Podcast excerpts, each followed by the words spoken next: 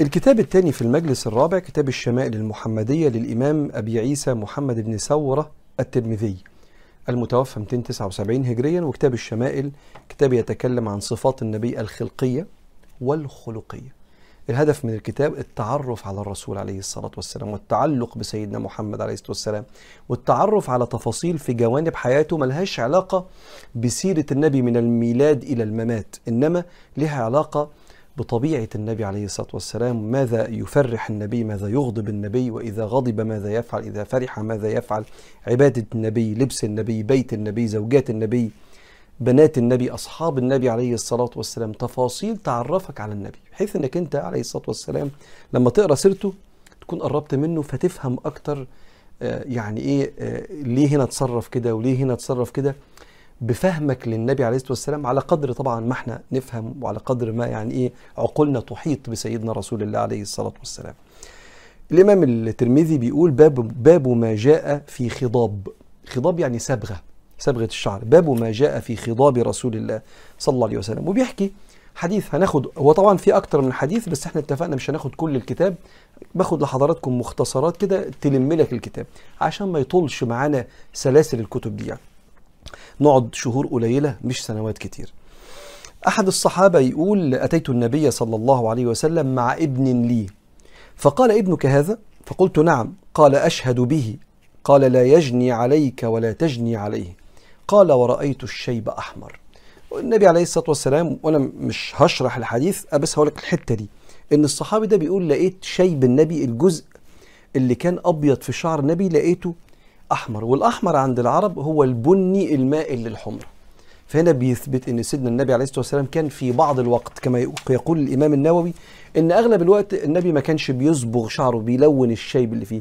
وفي بعض الوقت بعض الصحابة شافوا النبي بيصبغ ال ال الشيب ده الأبيض ده بلون بني مائل للحمره قال الإمام الترمذي باب ما جاء في كحل رسول الله صلى الله عليه وسلم. آه قال عن عكرمة عن ابن عباس ابن عباس ابن عم النبي عليه الصلاة والسلام. قال كان رسول الله صلى الله عليه وسلم يكتحل قبل أن ينام بالإثمد ثلاثا في كل عين. وقال يزيد بن هارون في حديثه إن النبي صلى الله عليه وسلم كانت له مكحلة يكتحل منها عند النوم ثلاثا في كل عين. الإثمد حجر. لما بترسم بيه في عينيك من جوه كده يعمل اللون الأسود أو الغامق بتاع الكحل. فكان ثلاث مرات صلى الله عليه وسلم. وكان سيدنا النبي يقول كده اكتحلوا بالاثمد فإنه يجلو البصر وينبت الشعر. فكأنه صلى الله عليه وسلم بيتكلم عن فوائد الاثمد ده إن هو حماية للعين. قال باب ما جاء في لباس رسول الله صلى الله عليه وسلم. النبي كان بيحب يلبس إيه؟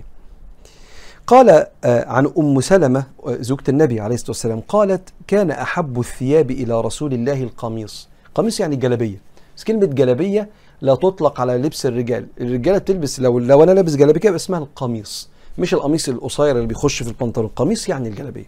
فكان أحب الثياب إلى رسول الله القميص.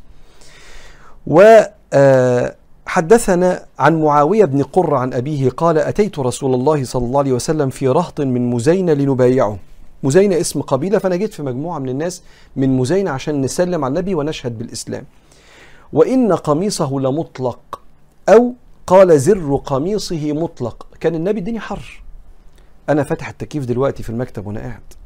فقادر أقفل هنا من غير درجة حرارة 30 40 مش حاسس بحاجة لكن زمان درجة الحرارة 50 60 عندهم فلو يقدر يفتح الزرار كده ويدخل الهواء شوية في وسط يعني لا يعني درجة الحرارة الصعبة دي فكان يبقى فاتح زرار الجلابية بتاعته. قال وإن زر قميصه مطلق. قال فأدخلت يدي في جيب قميصه فمسست الخاتم. الجيب هو كل فتحة أو كل تانية عشان تانية حاجة متنية عشان كده لما ربنا قال لسيدنا موسى أدخل يدك في جيبك. عشان الحتة دي متنية كده تحت الدراع كده. فالفتحة الجلابية من هنا كان سيدنا النبي لو تفتكر في المجلس اللي قبل اللي فات تقريبا اتكلم عن خاتم النبوة زي بيضة الحمامة كده في آخر العمود الفقري وفيها إشعارات بسيطة. فهو الراجل كان عايز يتعرف على النبي فلقى القميص مفتوح كده فقام حط إيديه كده عشان هو عارف إن في حاجة اسمها حسنة أو خاتم النبوة. قال فمسست الخاتم خاتم النبوة. اللي هي الوحمة أو الحسنة اللي عند النبي. وعن الحسن عن أنس بن مالك رضي الله عنه أن النبي صلى الله عليه وسلم خرج وهو يتكئ على أسامة بن زيد عليه ثوب قطري قد توشح به فصلى بهم. خلينا أقرأ لك المعنى. قال القطري بكسر الكاف وسكون الطاء نسبة إلى القطر وهو نوع من البرود اليمنية. برد برد يعني شال. البرد هو الشال أو العباية. جاي من اليمن. يتخذ من قطن وفيه حمرة وأعلام مع خشونة آه.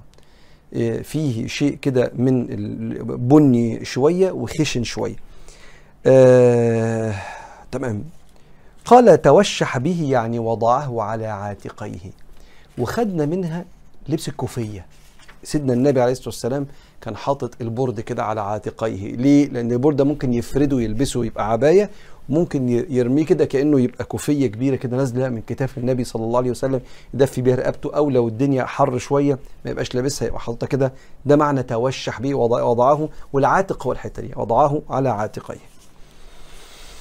وعن أبي سعيد الخدري قال كان رسول الله صلى الله عليه وسلم إذا استجد ثوبا اشترى ثوب جديد يعني سماه باسمه عمامة أو قميصا أو رداء ثم يقول اللهم لك الحمد كما كسوتنيه أسألك خيره وخير ما صنع له وأعوذ بك من شره وشر ما صنع له.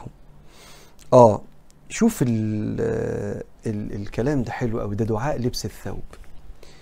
وانت اللبس والأكل والشرب والنعم المفروض كل ما تشوفها تذكرك بصاحبها المنعم. وأغلب غفلات بني آدم بتيجي من نسيان المنعم، ليه؟ مشغول بنعمة ربنا عنه. المفروض النعمة تدلني على ربنا. تصدق إن الشيطان قدر ينجح مع بعض الناس يوم قال لربنا ثم لآتينهم من بين أيديهم ومن خلفهم وعن أيمانهم وعن شمائلهم ولا تجد أكثرهم شاكرين. ربنا قال له بعدها في آيات تانية إن عبادي ليس لك عليهم سلطان. بس في عباد نسيوا المنعم بانشغالهم بعطائه وبنعمته. فكان سيدنا النبي إذا استجد ثوبا لبس لبس جديد قال اللهم إني أسألك الحمد لله أنت كسوتنيه أسألك خيره وخير ما صنع له وأعوذ بك من شره. إيه شر الثوب يعني؟ آه ما هو أنت ممكن الثوب ده يبقى سبب في كبر البني آدم يبقى سبب في إنه مش, مش كبر بس ده ممكن تشتري ثوب جديد يبقى سبب في احتقارك للنعمة إنك شايفه أقل من الثوب بتاع واحد تاني. فتقارن فتحتقر النعمة اللي انت ربنا أكرمك بيها فيبقى شر عليك بسبب مقارنتنا بغيرنا. وهكذا. آه، مكملين باب ما جاء في لباس رسول الله. عن أنس بن مالك قال كان أحب الثياب إلى رسول الله يلبسه الحبرة. إيه بقى يا سيدي الحبرة دي؟ قال والحبره بكسر الحاء حبرة وفتح الباء الحبرة. وهي ثياب من نوع برود اليمن. برد قلنا عباية من اليمن. تتخذ من كتان أو قطن محبرة أي مزينة والتحبير التزيين والتحسين. فيبقى آه، ثياب من اليمن كتان فيها زينة كده شكلها حلو. فسيدنا النبي عليه الصلاة والسلام كان بيلبس كده يا بخت أهل اليمن. قال عن البراء ابن عازب قال ما رأيت أحدا من الناس أحسن في حلة حمراء من رسول الله. إن كانت جمته فاكر جمة يعني؟ آه الشعر. شعر النبي الجمة والوفرة. إن كانت جمته لتضرب قريبا من منكبيه. شعر النبي كان طويل وصل أهو لغاية قريب كده من كتافي وكان لابس حلة حمراء. والعلماء يقولوا الحمراء المقصود هنا يعني بني مائل الاحمر مش النبي لابس لبس أحمر لأنه كان بينهى عن لبس الأحمر الأحمر دم الغزال ده إنك تبقى لابس ثوب واحد كله أحمر كده. النبي كان بينهى عن كده صلى الله عليه وسلم.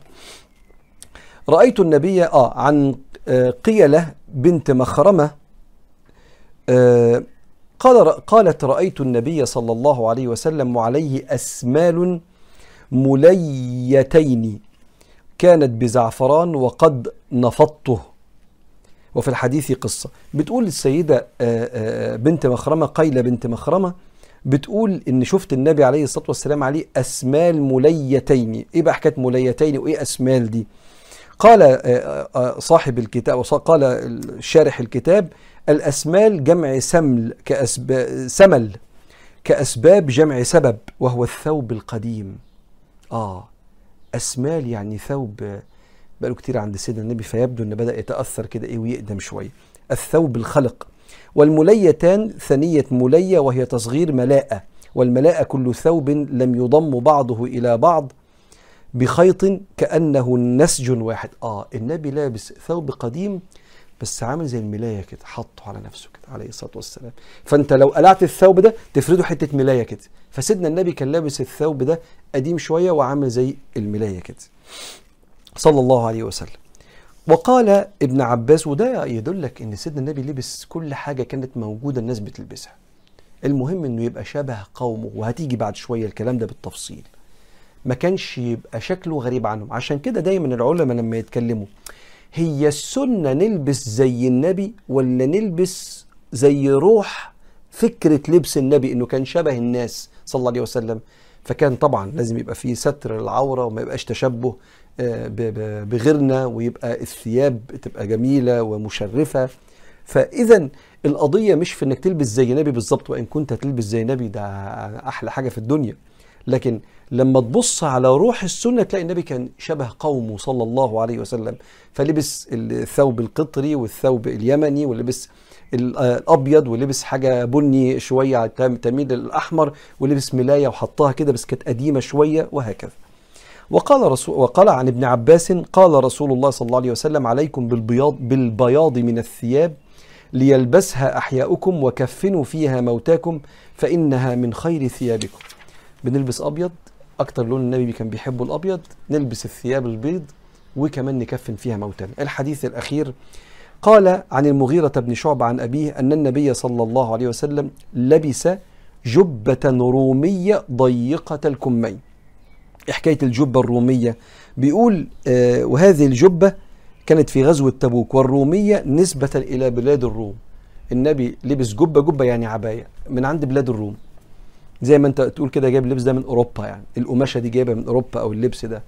فلبس النبي الحاجة المستوردة اللي مش من بلده صلى الله عليه وسلم سواء كانت قطرية يمنية رومية. المهم إن هي يكون تكون جميلة وتكون يعني إيه شبهنا زي ما بيقولوا يعني. ف لكن كان يقول هنا إن الكم بتاعها كان ضيق شوية على سيدنا النبي صلى الله عليه وآله وسلم. نكتفي بالقدر ده والمرة الجاية إن شاء الله نكمل مع بعض في كتاب الشمائل المحمدية في المجلس اللي جاي الخامس إن شاء الله.